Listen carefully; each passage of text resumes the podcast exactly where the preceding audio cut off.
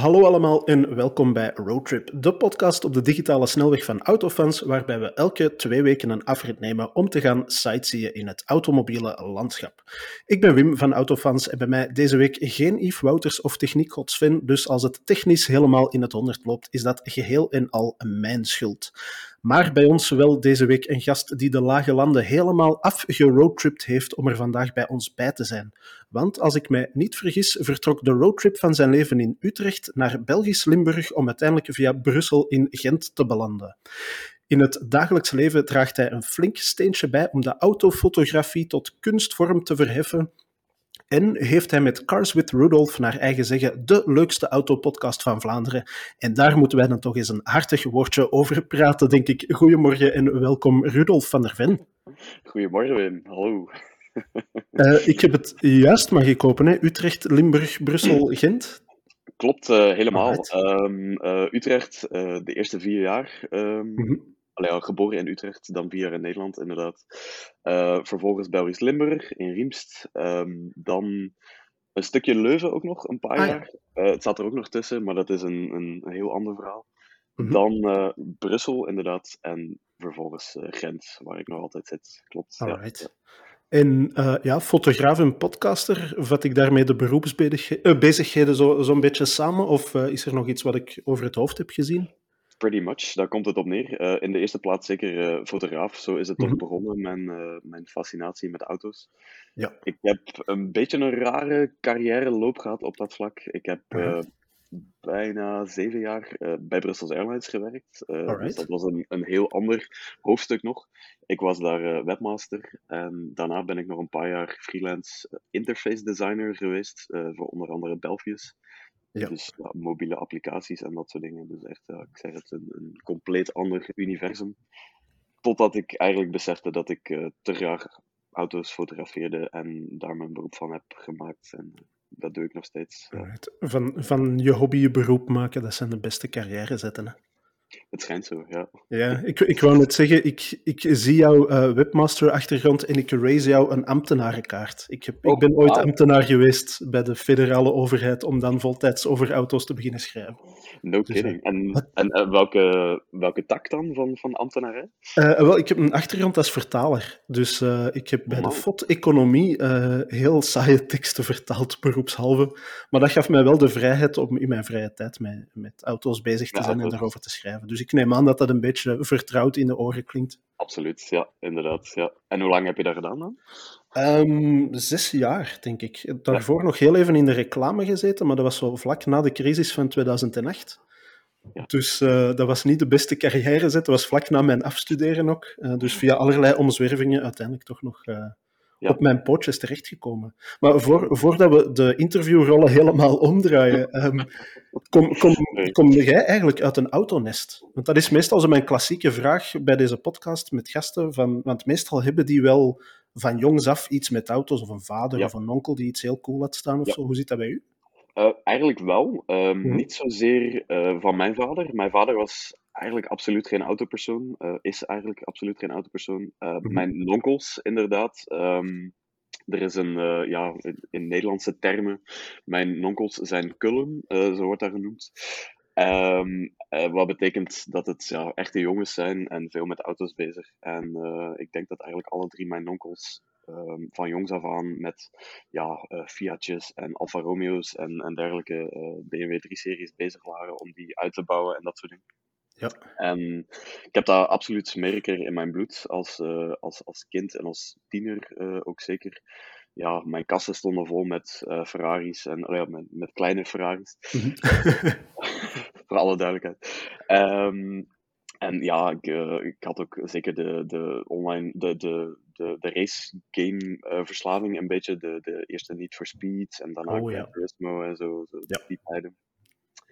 En op een of andere manier is dat eigenlijk sinds mijn 13, 14 is dat een stuk minder geworden. Dat, Mhm. Ik heb dat soort ingeruild voor ja, webdesign kwam dan en computers en ook nog wel gaming, maar dan meer shooters en dat soort dingen. Dus eigenlijk ja, veel meer met ja, informatica in zijn geheel eh, begonnen. Vandaar ook die carrière als, als webmaster bij Brussels Airlines. Grafisch ontwerp, dat soort dingen. Ehm, en die autobug is er dan een beetje uitgegaan om, om die reden, denk ik. Mhm. Tot, uh, ik schat medio 2012 zoiets. Dus eigenlijk vrij laat pas. Oh, echt pas een, ja. ja een, een, tien jaar geleden, want ik ben inmiddels 36. Mm -hmm. um, is toch die auto-kriebel weer om de hoek gekomen. Dat is heel raar, dat is eigenlijk begonnen toen de Lamborghini Aventador uitkwam. Ah, ja. uh, ik zag daar toevallig de, de reclames van voorbij komen en ik vond dat zo'n ongelooflijk mooie auto. En ik heb daar dan een, uh, zo'n auto art miniatuurmodel van gekocht. En daar heeft het eigenlijk een beetje in gang gezet. En dan ja, is eigenlijk uh, ja, een grote shout-out naar Joke de Nul. Ik weet niet of je ze kent. Um, um, van, volgens mij volg ik die op Twitter. Kan dat? Is moet, dat iemand ja. die behoorlijk actief is op Twitter? Enorm. Ik denk niet dat er iemand in België is die Joke niet volgt op Twitter. Ah. Um, ja, en ik ben zo iemand die... Uh, ik ben een passieve twitteraar, dus ik ben daar zelf helemaal niet actief op, maar ik volg echt duizenden mensen waarschijnlijk. Idem, dus, ja ik tweet zelden, maar ik vind het, voor mij is dat een beetje een nieuwskanaal zo van, ja, uh, absoluut. Uh, van auto's en Formule 1 ook. Uh, maar Joke die werkte, had destijds, of ja, heeft nog steeds een, een, social media agency en zij deden de social media voor Jaguar Land Rover. Mm -hmm. En ineens kwam zo het, het gekke voorstel van zie uit te zitten om voor een weekendje een Land Rover mee te nemen en daar wat foto's van, van te nemen. En ze mogen die dan gebruiken op social media en zo. En ik dacht, waarom niet? Ik was ja, eigenlijk de laatste 15 jaar al low-key wat bezig met fotografie, maar dan vooral architectuur. Mm -hmm. En ik dacht vooruit. En dat waren eigenlijk mijn eerste echte autofoto's uh, die ik zo ben gaan nemen. En dat werden steeds meer weekendjes en dan eens met de Jaguar. Uh, totdat ik eigenlijk ja, uh, actief op zoek ging naar dealerships die ook misschien eens een auto hadden meegereden. dat is dan overgeslagen naar Porsche. Um, en zo is die bal aan het rollen gegaan eigenlijk. Alright. Ja.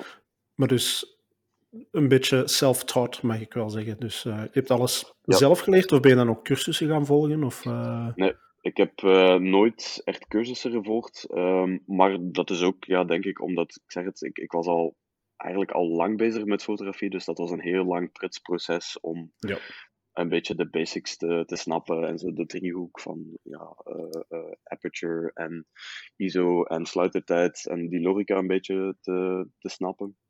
Maar inderdaad, uh, zelftaat op dat vlak. Ja. Right. Maar je bent ook gespecialiseerd in een specifieke techniek, denk ik, hè?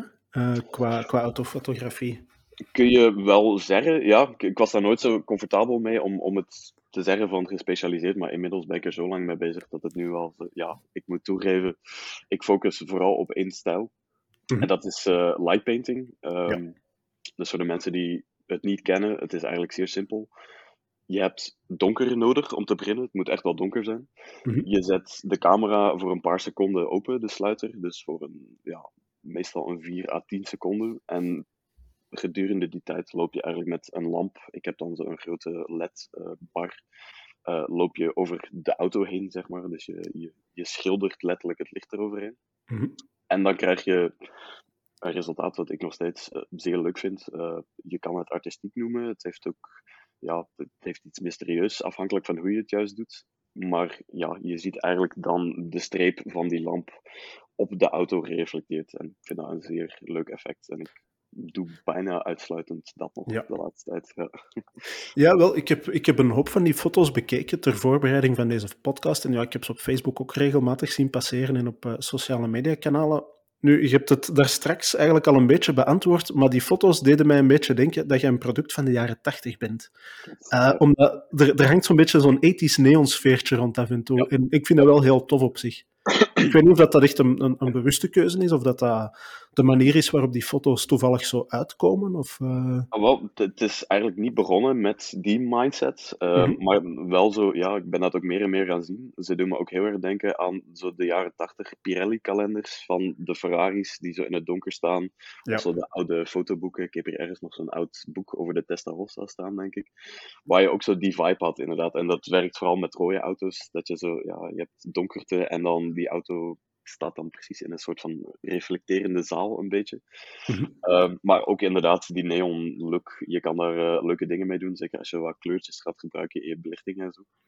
Ehm, ja, absoluut. Ja, zeer leuk. Ja, ja en er, er, er zitten er ook een paar bij, die vind ik ook wel heel tof. Zo de, de sfeer, alsof dat er s'nachts iemand zo de, de, auto even naar buiten heeft gerold uit de garage, om dan stiekem bij maanlicht wat foto's te nemen, en dan nadien zonder de motor te starten gewoon terug naar binnen duwt. Ja, dus, uh, inderdaad. Ja.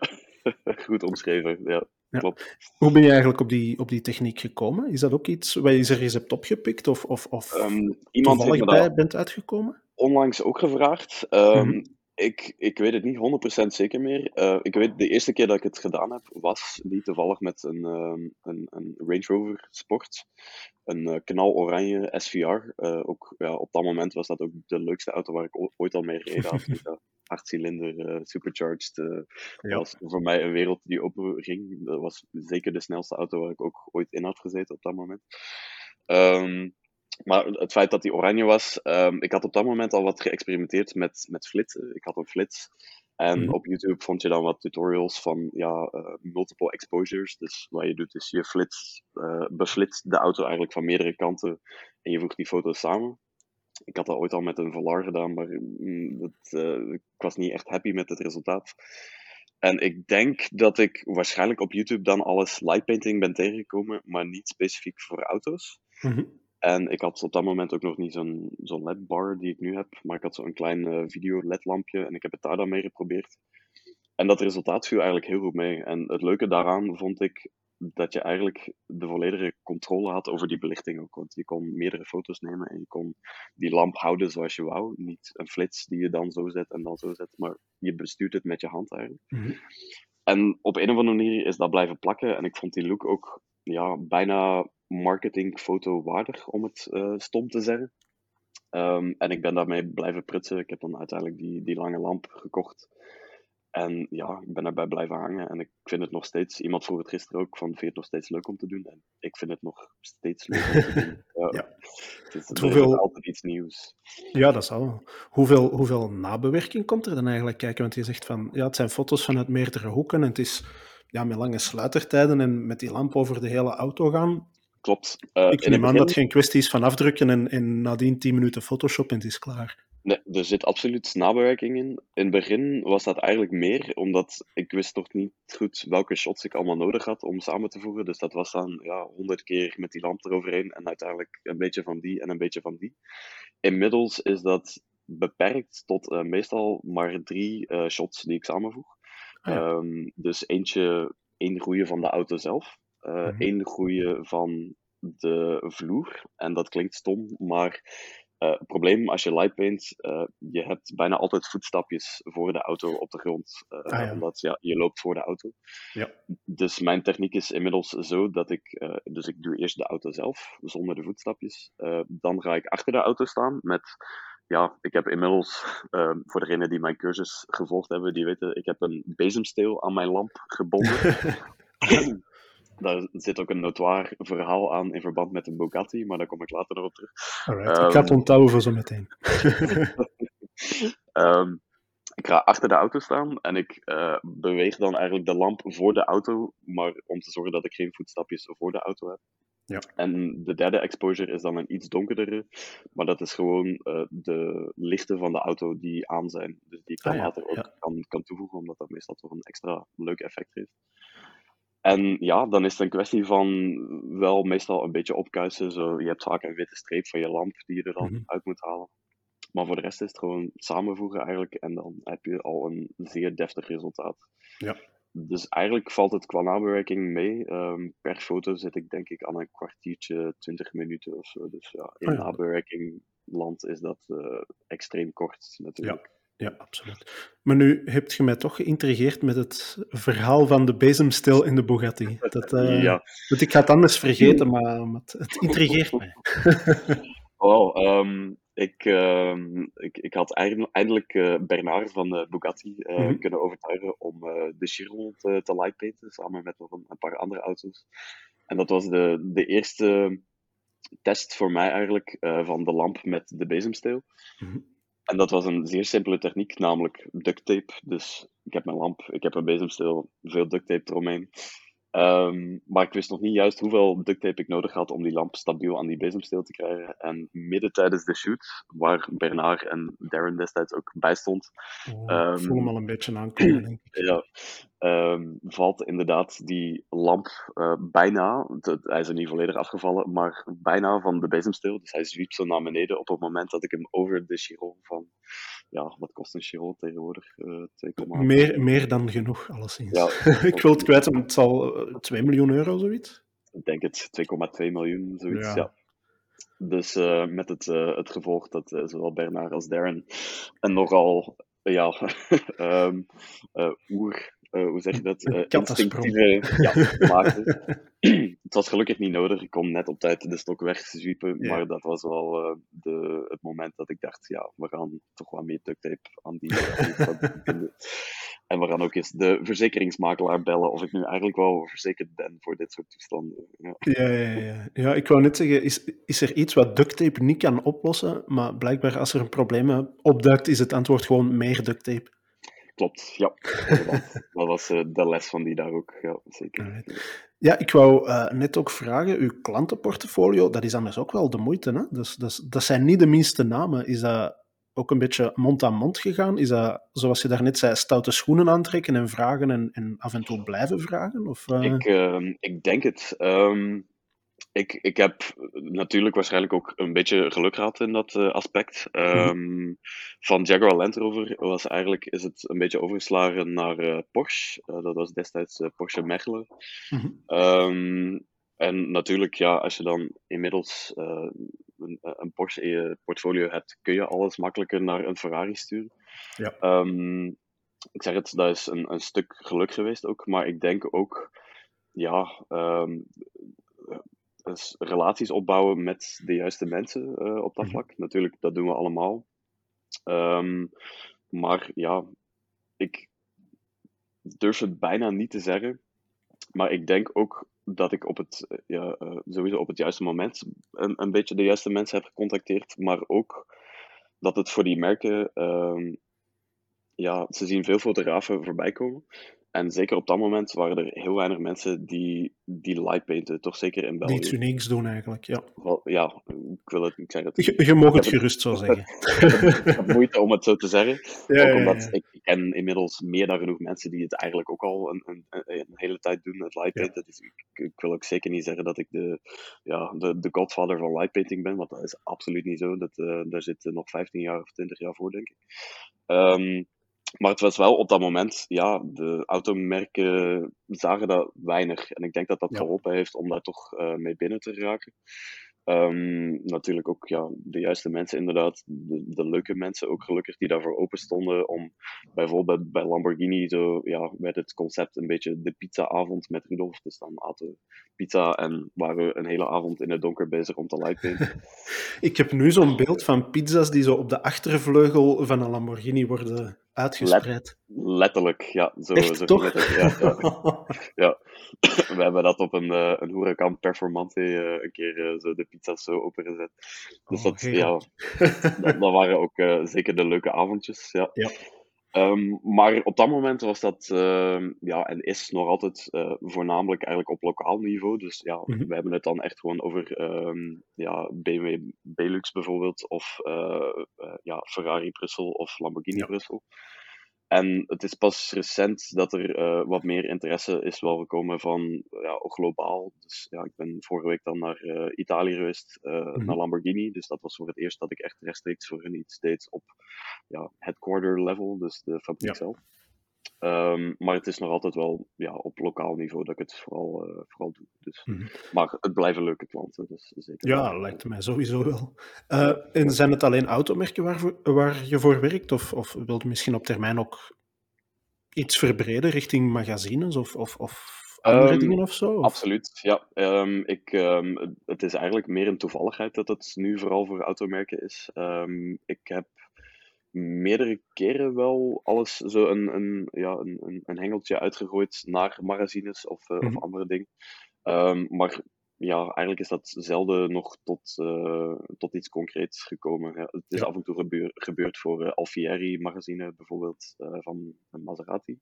Mm -hmm. um, voor de rest, dat is het zo'n beetje, denk ik. Ja, ja, ja. Zijn er zo nog memorabele projecten waar dat je aan denkt? Want je hebt zo'n zo paar dingen opgenoemd, zoals het, het Bugatti-incident, laten we het ons, laat het ons zo even noemen, of, of de pizza's op de achtervleugel. Ja.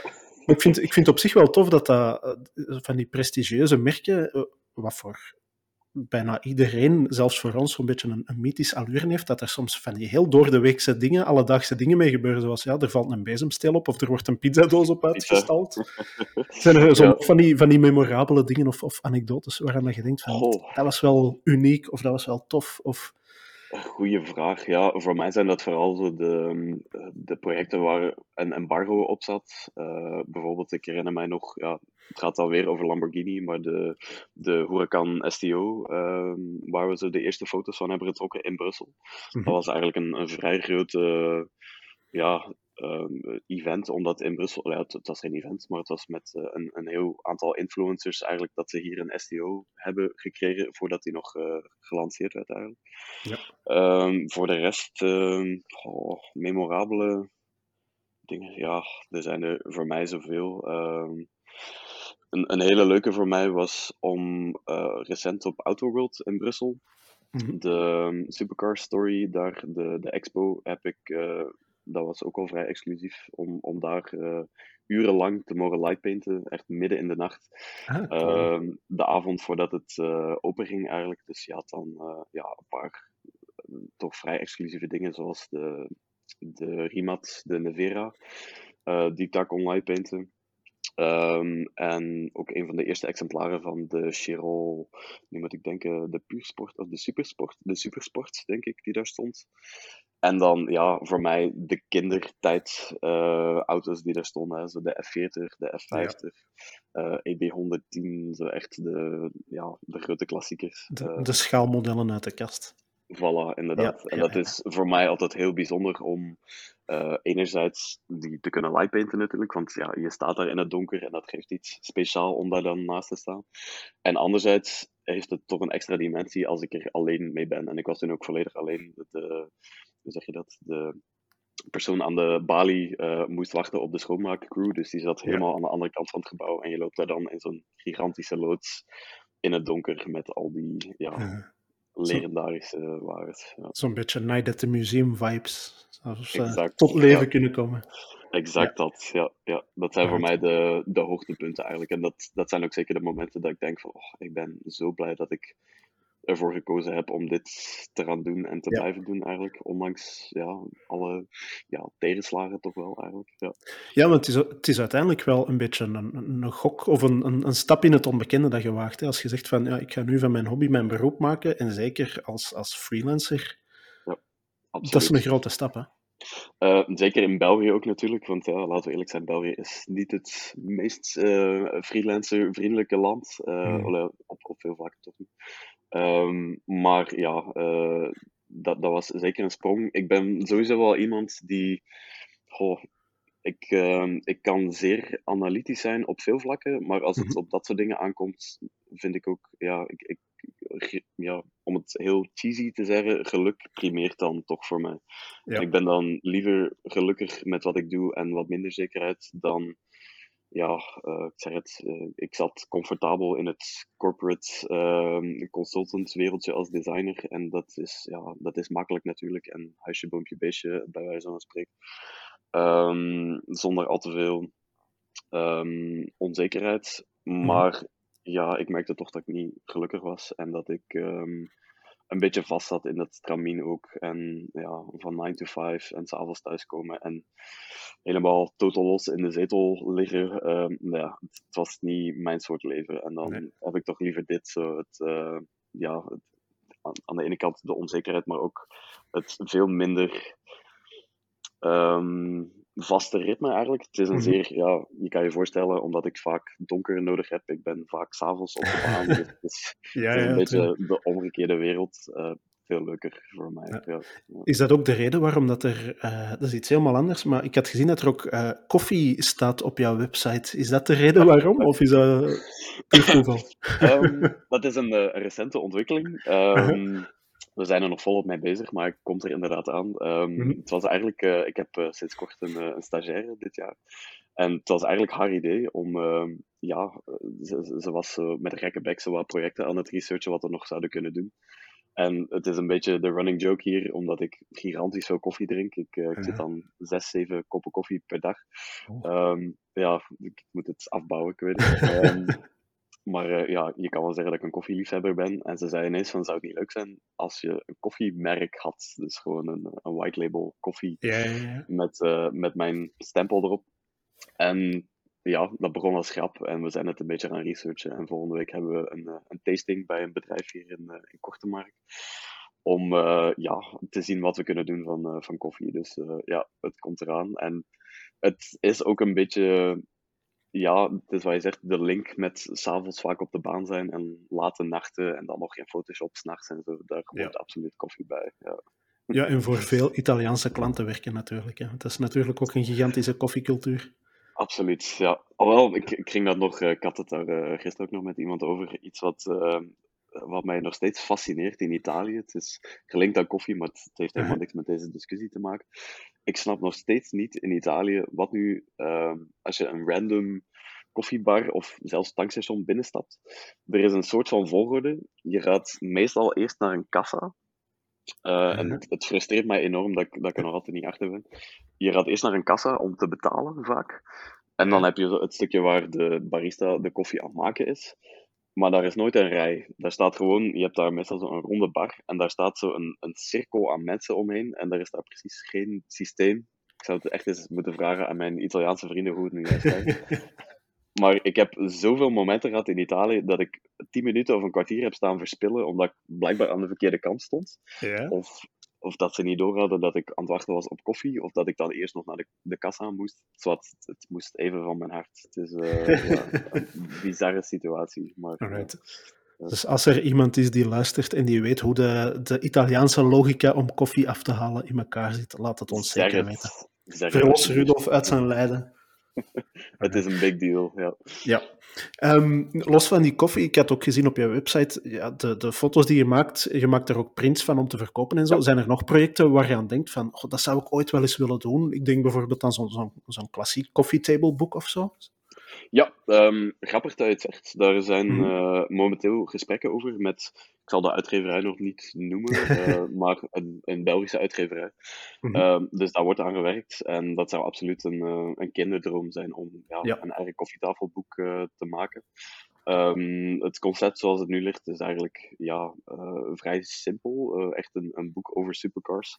Um, met name de laatste 50 jaar. Dus de, ja, een beetje de spannen. Oké, okay, ik ben 36, dus niet de spannen van mijn levensloop, uh, zeg maar. Maar wel zo de auto's waar ik altijd door gefascineerd ben. Want als ik kijk naar 50 jaar terug, daarvoor vermindert mijn fascinatie een beetje.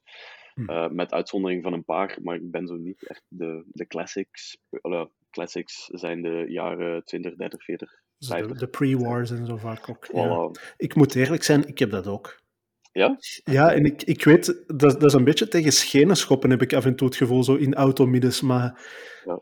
bij mij begint het ook pas vanaf de jaren 70, jaren 80. Oh. Misschien is dat inderdaad ja, de, de, de generatie een beetje. Hè? Maar... Ik denk het, terwijl ik toch genoeg mensen ken. Ik, ik denk dan bijvoorbeeld aan uh, Philip Baart, um, mm-hmm. de, de autoverzamelaar. Die is, ja, oké, okay, die is iets ouder dan, dan ons, maar niet zoveel. Maar die heeft een enorme fascinatie met de pre-wars ook. Die heeft uh, ook ja. een Bugatti uit uh, de jaren 20 of 30 zal het zijn, denk ik. En hij heeft dan een paar auto's waarvan ik ja, helemaal, ja, bijvoorbeeld de F40 en de F50 waren van hem op, uh, op Autoworld.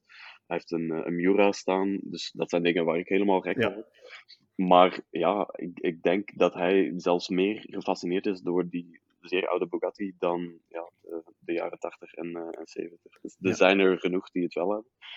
Maar ja, ik heb hetzelfde als jou. Ik, uh, pre-war, nee, het zegt mij uh, weinig eigenlijk. Ja, en ik heb, ik heb ook altijd het idee van, je moet dat heel voorzichtig zeggen, hè, want...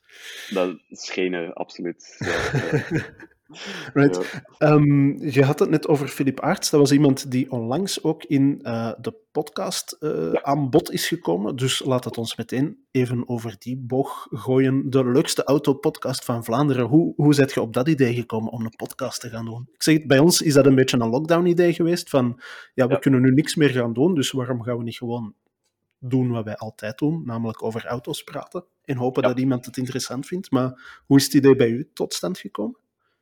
Um, een goede vraag. Dat, dat is ook uh, ja, eigenlijk een beetje overnight gekomen. Um, mm -hmm. Het idee zelf dan. Um, het, allee, het idee van een podcast zal altijd wel een beetje in mijn hoofd, omdat uh, ik vind mezelf wel een, een, een luisteraar. Ik ben mm -hmm. iemand die in een gesprek 9 van de 10 keer aan het luisteren is naar wat mensen te zeggen hebben. Ik, ben, ik geloof dat dat ook mijn sterrenbeeld is, dat ik een soort van observeerder ben op dat vlak. Dus het, het it adds up.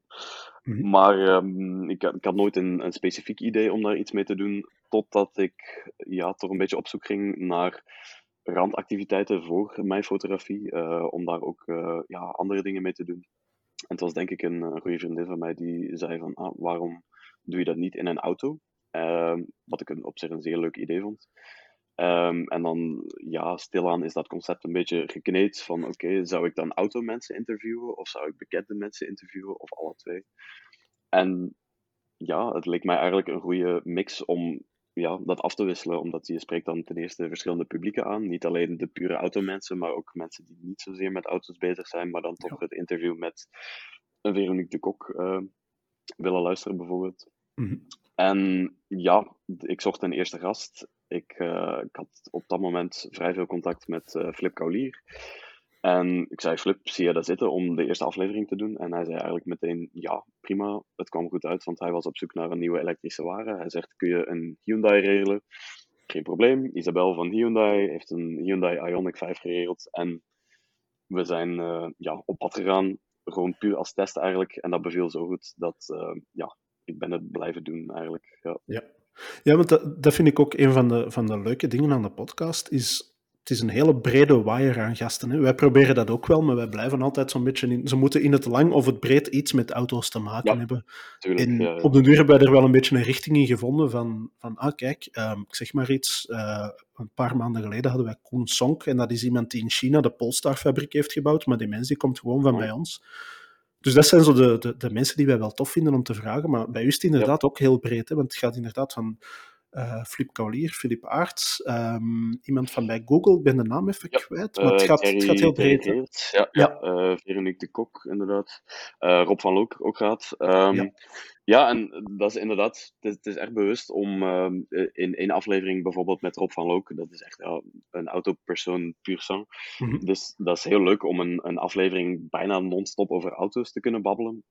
En dan anderzijds, bijvoorbeeld, ehm, ik, er moet altijd wel een link zijn met auto's. Ja. Ehm, maar bij Thierry Reets, eh, het hoofd van Google, was die link inderdaad iets eh, waziger. Maar het was dan meer in het teken van mobiliteit en hoe hij mobiliteit ziet in de toekomst en gelinkt aan Google, et cetera. Was Ja. trouwens een, een zeer leuke aflevering ook om te doen met die eh, Citroën Ami. Ja, Ehm, dat is juist. ja, eh, zeer challenging, eh, geluidstechnisch wel, want we zaten echt in een, ja, in een plastieke bak, eh, bij wijze van spreken, dus extreem veel echo. Technisch gezien is het nog altijd, ja, het is een beetje ploeteren om het goed te krijgen. Ja. Maar ja, daar ligt bij mij de nadruk ook niet zo op. Ik vind het leuker om gewoon een beetje, ja, ik wil bijna zeggen om te freestylen. Daar wordt ook bijna niet in geëdit, tenzij er echt lange stiltes zijn bijvoorbeeld, maar dat is nog niet vaak voorgekomen. Mhm. Maar dus die, die link met auto's is er altijd wel een beetje, maar die kan of heel duidelijk zijn of een beetje vager. Met Veronique de Kok bijvoorbeeld, zij is ambassadrice van, eh, van Porsche Antwerpen. Ja. Dus dat was ook meteen een, een leuke link. En ja, de, de afwisseling maakt dat, ehm, maakt dat eigenlijk ja, zeer leuk om te doen. Ja. Ook Ja. omdat soms ken ik de gasten, soms ken ik ze een beetje en soms helemaal niet. Eh Thierry Geerts kende ik bijvoorbeeld helemaal niet. Eh Flip Mhm. En Veronique kende ik dan een beetje. Dus dat creëert ook een soort van ja, vertrouwen al, al een basis waar je op verder kan gaan. Ja. Ehm, ja. Ja, en hoe, hoe lastig is het inderdaad om een podcast in een auto op te nemen? Want eh, zoals gezegd, die Citroën Ami lijkt mij inderdaad een soort geluidsversterkende kooi te zijn, maar Absoluut, ja. Ehm, wat uh, voor mij eigenlijk het, het, lastigste tot nu toe nog altijd is, uh, mm. wij gebruiken allebei, een, dus zowel de gast als ik, gebruiken een, uh, een, ja, een, een lavalier, lavalier mic, dus een, ja. een speldmicrofoon. En het nadeel met twee microfoons is dat de, zowel de, hoofd, de gastmicrofoon als mijn microfoon mm. pikken elkaars audio ook op. Dus ah ja, natuurlijk, ja. Dus je zit altijd met een hele kleine echo. En omdat je uh, twee verschillende opnameapparaten hebt, die allebei ja, meer dan een uur opnemen, mm-hmm. zit daar altijd tegen het einde toe zitten ze een beetje een microseconde van verschil in van, ja, van timing. Yeah, waardoor die echo eigenlijk meer en meer wordt. Uh, en die aflevering met Veronique was daar bijvoorbeeld een, een extreem voorbeeld van. Op het laatste was het echt alsof we allebei in een, in een emmer zaten te praten qua, qua echo. Dus dat is tot nu toe de, de, de grootste challenge. Ik heb ook uh, een goede vriend van mij zei onlangs ook van waarom probeer je niet gewoon één microfoon in het midden. Dus misschien moeten we dat inderdaad proberen, hoewel die natuurlijk ook meer omgevingslawaai gaat oppikken, maar minder echo. Dus ik, mhm. het is nog een beetje experimenteren op dat vlak. Ja. Er, er zijn nog wat technische uitdagingen. Absoluut. Wat ik er ook wel uh, leuk aan vind, want ja, onze podcast, dat is niet alleen op, op de, de klassieke podcastkanalen, maar die komt bij ons ook op het YouTube-kanaal. Dat is bij u ook het geval. Maar ja, bij ons zijn er wat talking heads eigenlijk. Dus ja, qua, qua randanimatie, als ik het zo mag noemen, gebeurt daar niet zo heel veel. Maar bij u heeft het effectief wel meerwaarde, hè, die onboardbeelden. Want ja, we hebben het er nog niet over gehad, maar het uitgangspunt is, jij neemt de gast in kwestie mee voor een ritje en hij of zij rijdt dan effectief ook. Hè? Ja, klopt. De, de logica, ja, de, het systeem is meestal de gast kiest op voorhand een auto. Mhm. Ik probeer die dan te regelen. Uh, lukt niet altijd. Um, bijvoorbeeld uh, Rilke had eigenlijk een uh, Ferrari. Rilke Eikermans, de, de mhm. laatste gast, had eigenlijk een Ferrari gevraagd. Omdat ze gewoon stiekem altijd alles met een Ferrari wou rijden. Ja. Um, jullie weten waarschijnlijk ook dat het uh, specifiek voor Ferrari zeer moeilijk is om een, een leenwagen mee te krijgen, omdat er contractueel eigenlijk altijd een verkoper bij moet zijn. Mhm. Dus dat was geen optie. Maar Ferrari zei dan, ja, Ferrari Antwerpen, FMA zei, we kunnen wel een Maserati MC20 regelen, wat ja, even leuk was natuurlijk eigenlijk. Dat is ook niet uh, slecht, nee, dus dat was een, een prachtig alternatief. Ja. Um, en ja, dus ik ga dan met de auto naar hun toe. Uh, zij mhm. stappen in, zij rijden een uurtje rond, al babbelend. En uh, ik ga weer terug met de auto. Dat is eigenlijk het, het hele concept. Ja. Zeer, uh, zeer simpel. Ja. Right. En zijn dat een goede bijrijder? Want dat lijkt me, ik, ik ben daar bijvoorbeeld notoir slecht in. Ik kan heel moeilijk meerijden met andere mensen. Niet dat ik mezelf zo'n waanzinnig goede chauffeur vind, maar het is zo even ah. de, de controle afgeven is voor ah. mij heel moeilijk.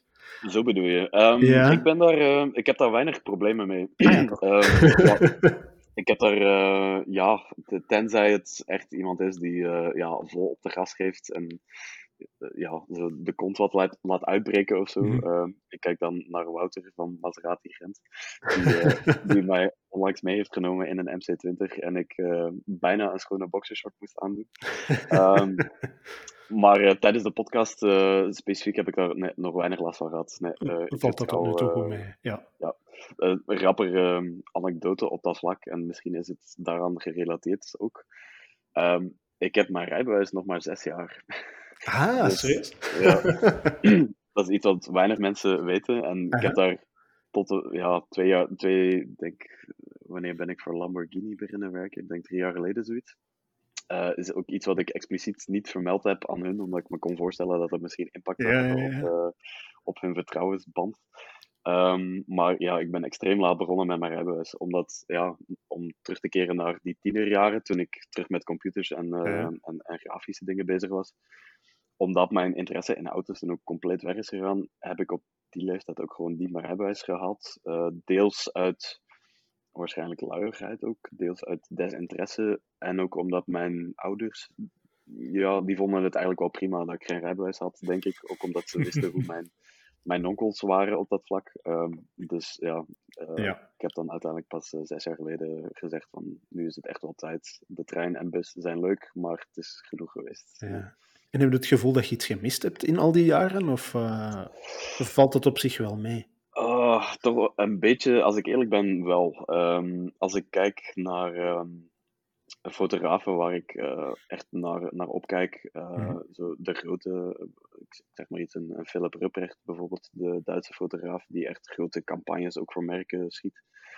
Ja, dat zijn gasten die zijn een paar jaar jonger dan mij, maar mhm. die zijn er al ja, tien jaar langer mee bezig, bij wijze van spreken. En dan denk ik toch van ja, ik ben nu 36.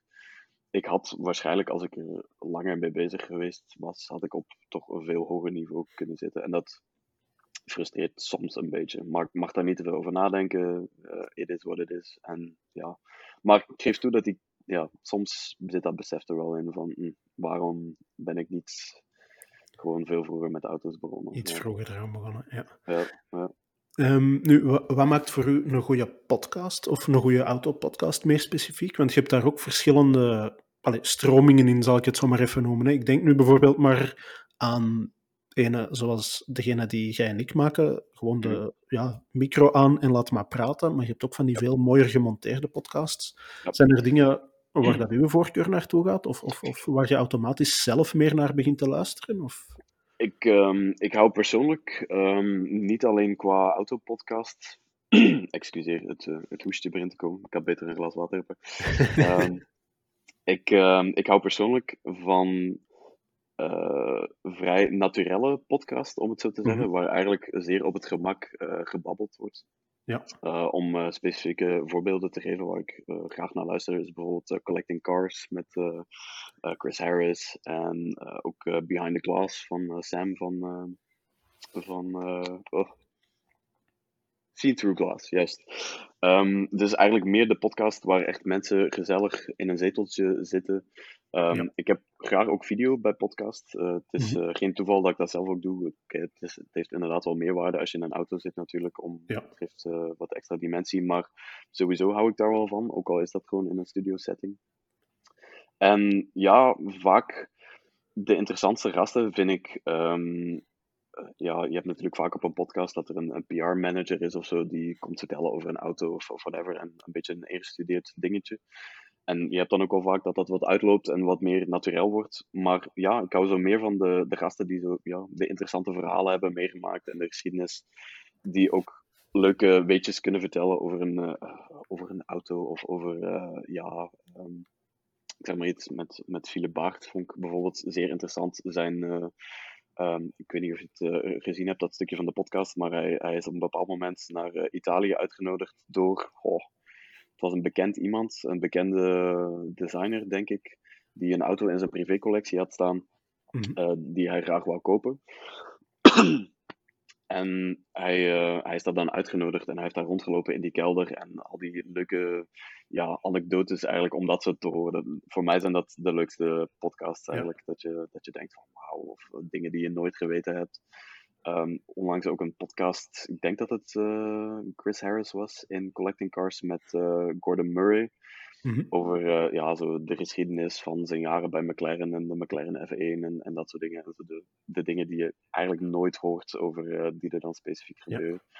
Maar dat is zo in een ontspannen setting en je merkt ook gast en host hebben zo respect voor elkaar. en, mm -hmm. en, ja, ik kan er echt van genieten als ik zo bijvoorbeeld gaat heel dwaas klinken, maar ik kan dan zo aan het stofzuigen zijn met mijn en, en, en, dan echt helemaal meegaan in het verhaal. Zo. Dat, uh, ja, vind dat zeer leuk. Ja. dus uh, podcasts luisteren tijdens het stofzuigen. Bij mij is dat echt uitsluitend in de auto. Dat is, uh, ja, ik weet niet hoe dat ja? komt. Ja. Um, ik, ik, kan dat ook niet tijdens het werk bijvoorbeeld, want dan ben ik te veel gefocust op die podcast en ja. dan ben ik niet meer geconcentreerd aan het werken. Dus, Klopt. Terwijl, allee, autorijden moet ook geconcentreerd gebeuren natuurlijk, maar dat is, ja, dat is een andere dat is iets anders natuurlijk. Hè. Klopt, ja. Nee, in, in de auto moet dat vooral muziek zijn bij mij. Mm -hmm.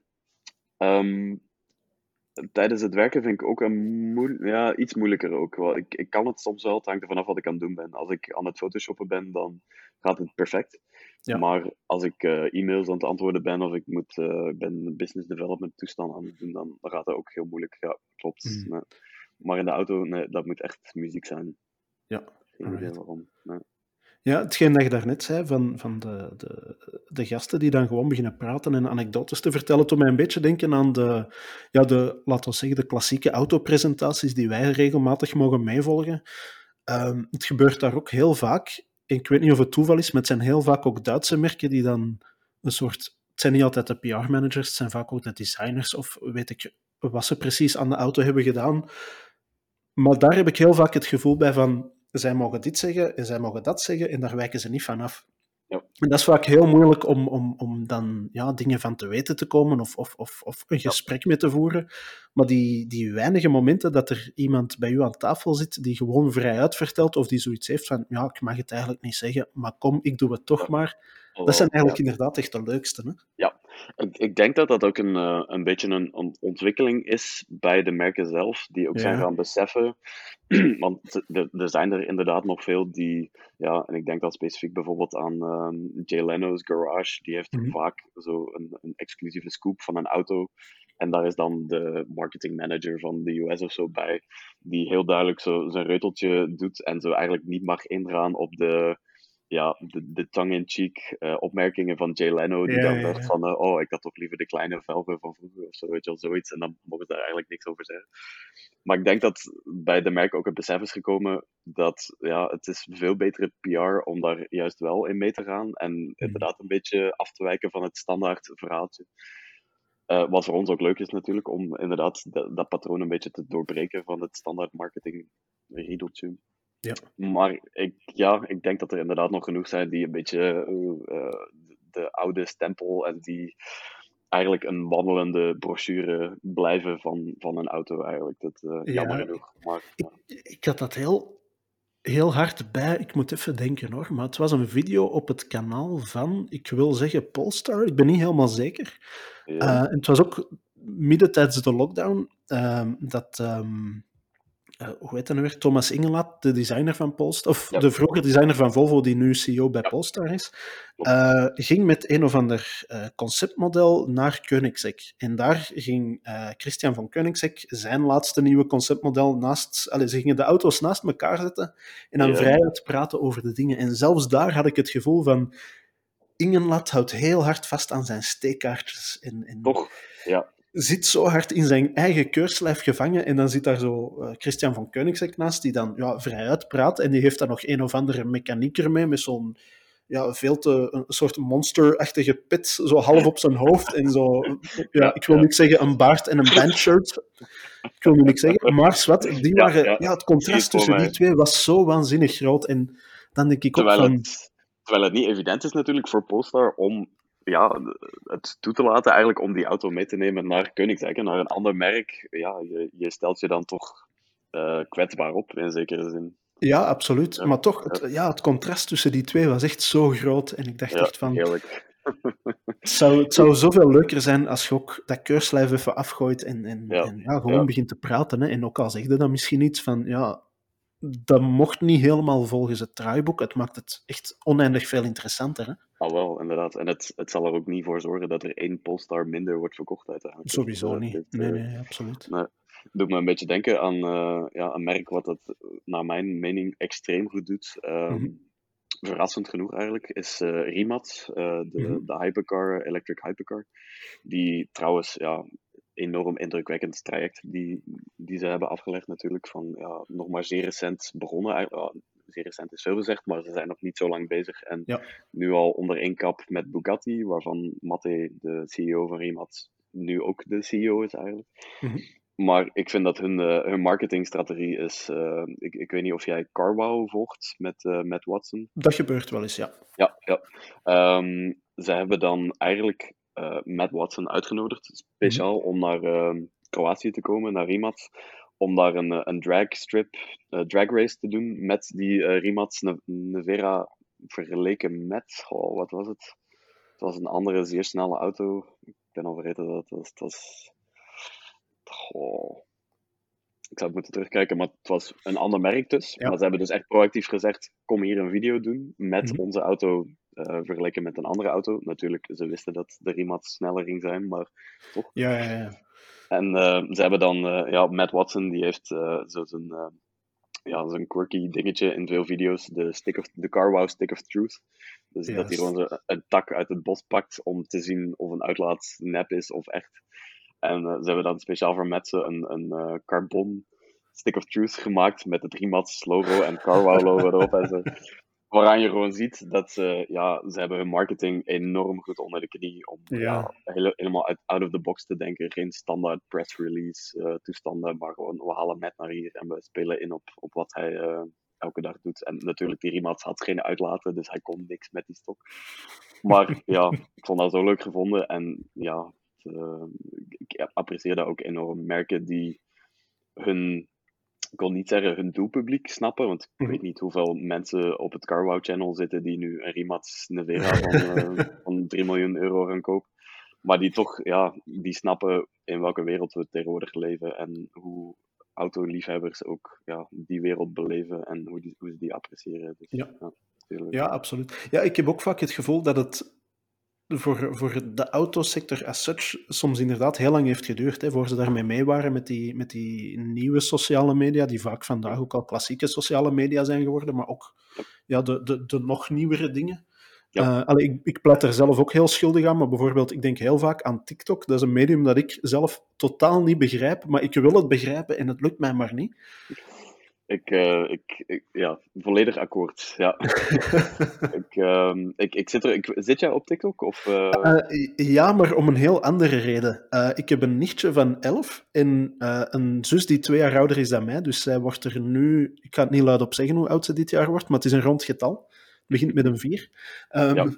Maar ja, mijn nichtje wou twee, drie jaar geleden een TikTok-account en mijn zus kende daar niks van. En ze zei van ja, jij kent daar wel iets van, van sociale media. Is dat wel iets, ja of nee? En ik moest ook eerlijk bekennen van, ik weet het niet meer. Ik ben mee met Facebook en Instagram en Twitter, dat lukt mij allemaal, maar die, die echt nieuwe dingen, Snapchat lukte mij niet meer, TikTok lukte mij niet meer. Dus ik heb een account aangemaakt, gewoon om mijn nichtje te controleren eigenlijk.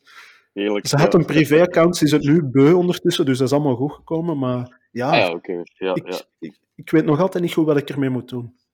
Dus... Uh, idem hier. Um, het was uh, het, idee van een vriendin ook om, uh, om wel met TikTok te beginnen, ook met ja. auto-gerelateerd en mijn fotografie een beetje te, te promoten en zo.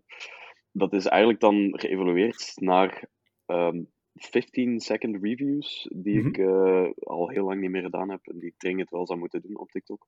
Maar dus eigenlijk gewoon 15 seconden een auto, de voorkant, de zijkant, de binnenkant, de achterkant en dan zo op het laatste het geluid van de motor. Ja. En dat sloeg op zich wel aan. Ik heb zo een paar video's die toch een paar duizend likes hadden. Wat ook wel het leuke is aan TikTok eigenlijk, Namelijk dat uh, je kan daar nog relatief snel ineens, ja, ik wil niet zeggen viraal gaan, maar je kan daar wel ineens mee een beetje doorbreken eigenlijk. Mhm. En dat is iets wat op Facebook en Instagram eigenlijk bij, quasi onmogelijk is. Je moet er al zoveel geluk hebben om daar ineens zo een grote hit te hebben met iets.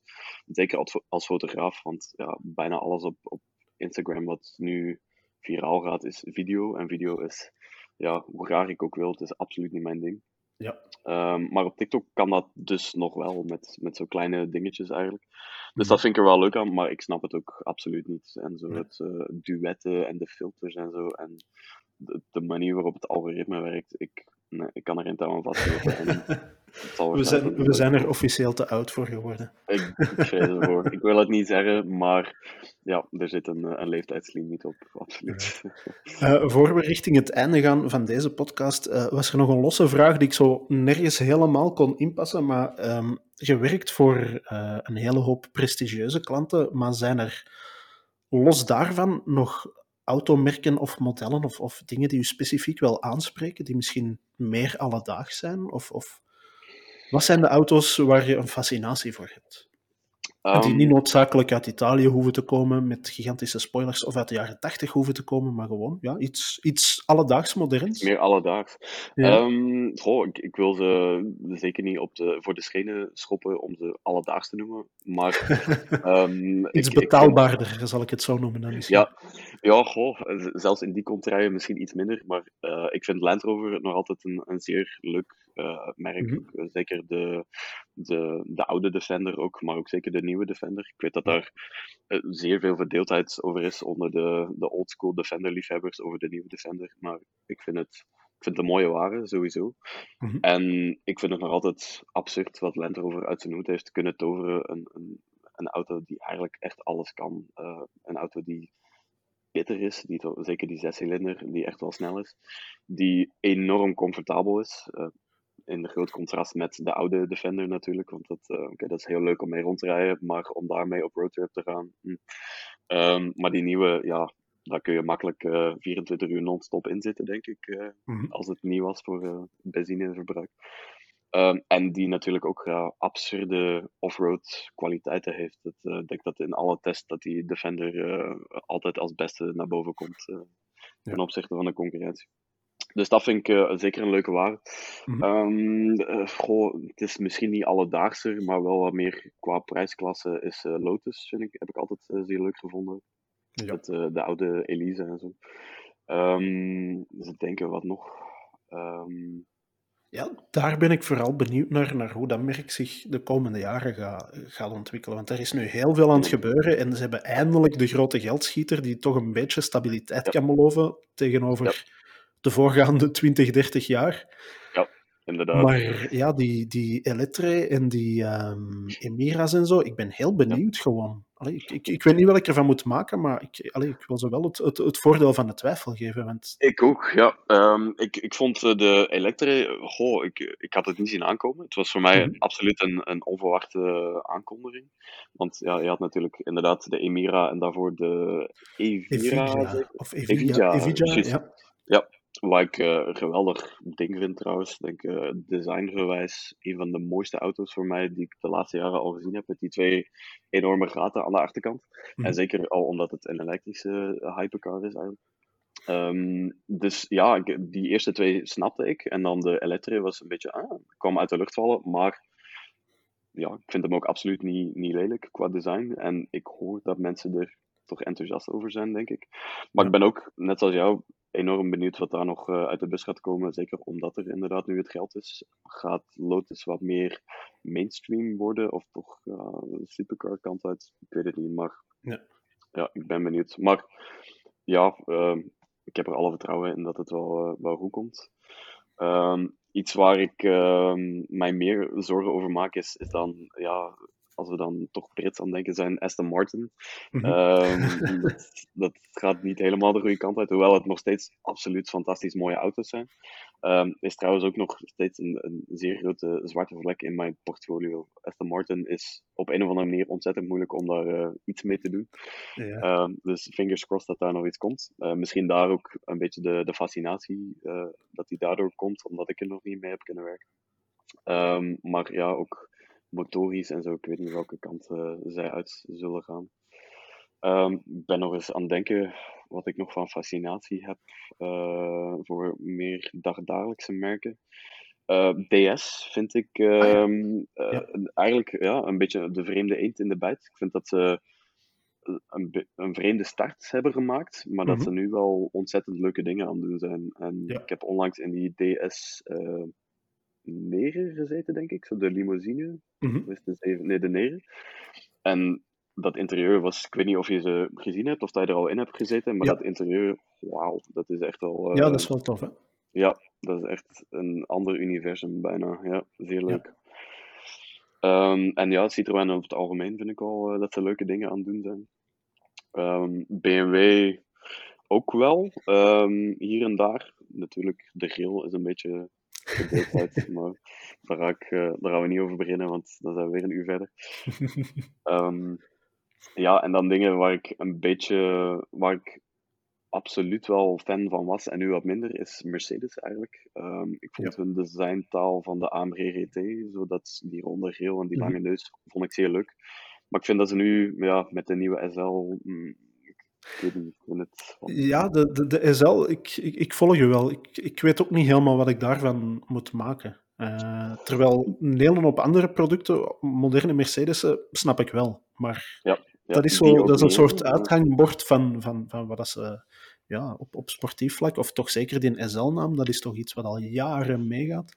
Voilà, ja. En ik ben ook blij dat ze, want ja, er is lang sprake geweest dat de SL zou verdwijnen. Ja, ja, uh, een beetje, dus ik ben blij dat ze de naam gehouden hebben. Maar het ja. eindresultaat ja, vond ik toch een beetje een wat afgewaterd, uh, een beetje, ja, precies dat de marketingafdeling ermee afgekomen is en niet de, de mensen uit, uh, oh, hoe heet het Af, Afvalterbach. Afvalterbach. Effenhausen ja. zeggen, maar Afvalterbach, ja. ja. ja. Maar los daarvan, ja, ik snap ook dat ze op dat vlak een beetje de... Ze zijn de markt van de 911 een beetje aan het... Uh, want ja, zeker van de achterkant lijkt die er toch behoorlijk op Mhm. ook. Ja, en die, die 2 plus 2 zitpositie ook, hè? Zo Ja, die, ja, die mini-achterbank. Ja, ja. Maar ja, het is te zien hoe het eh, gaat draaien. Ik weet niet of het echt een groot succes zal worden. We zullen zien, zeker. Ja. Alright. Nu, voor we er eh, helemaal een einde aan breien, ik heb heel vaak een soort eh, klassieke afsluiter. Eh, en in dit geval is dat de tweestrijd. Dus ik leg u gewoon een simpel dilemma voor. van twee dingen die je graag doet of tof vindt. En je mocht maar één van de twee overhouden. Het andere moet dan met bijzonder veel pijn in het hart ja, eruit flikkeren. Stel, je mocht vanaf nu alleen nog ehm, foto's gaan nemen. Of je mocht vanaf nu alleen nog podcasts gaan opnemen. Een beetje een voor de hand liggende keuze, maar desondanks, allee, het, uit het afgelopen uur is wel gebleken dat het alle twee wel Ja, uw ding is. Ehm, dus, eh, ik zou, eh, ja, ik zou met pijn in het hart toch voor foto's gaan, denk ik. Denk, Ja, eh, de- dat de er eerste liefde. in. Ja, ja, Ja, absoluut. alright. Ja. Maar ik zou het missen, de podcast. Absoluut. alright. Ja. Voilà, maar gelukkig mogen ze allebei nog blijven doen. Eh, ja, en wij zullen sowieso ook bij deze aflevering een link zetten naar eh, de website. Is dat gewoon rudolfvanderven.com? Ik weet Ja, het niet klopt. 100% zeker. Alright. Inderdaad. Dus Ja. voor mensen die eh, meer van Rudolf zijn werk willen zien, daar zullen wij absoluut zeker en vast naar doorlinken. Rudolf, voor de rest eh, was dit het voor eh, wat ons betreft. Eh, waanzinnig hard bedankt om voor ons een vol uur vrij te maken om over van alles en nog wat te komen leuteren.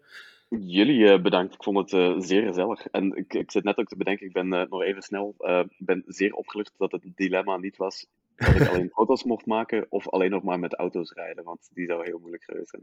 Wat zou daar... Ja, kom, beantwoord maar. Oh, wat zou daar het antwoord zijn? Dan waarschijnlijk auto's toch, Ja. denk ik. Ja, ja, ja. Ik vrees van wel. Ja. Ja, dat, dat zou ik ook snappen. Dat zou ik perfect snappen. nee, alright, Rudolf, eh, waanzinnig hard bedankt voor de tijd die je vandaag voor ons hebt vrijgemaakt. Eh, Ja, dat was een roadtrip wat ons betreft. Over twee weken zijn wij er opnieuw met een nieuwe aflevering. Tot dan. Bye bye.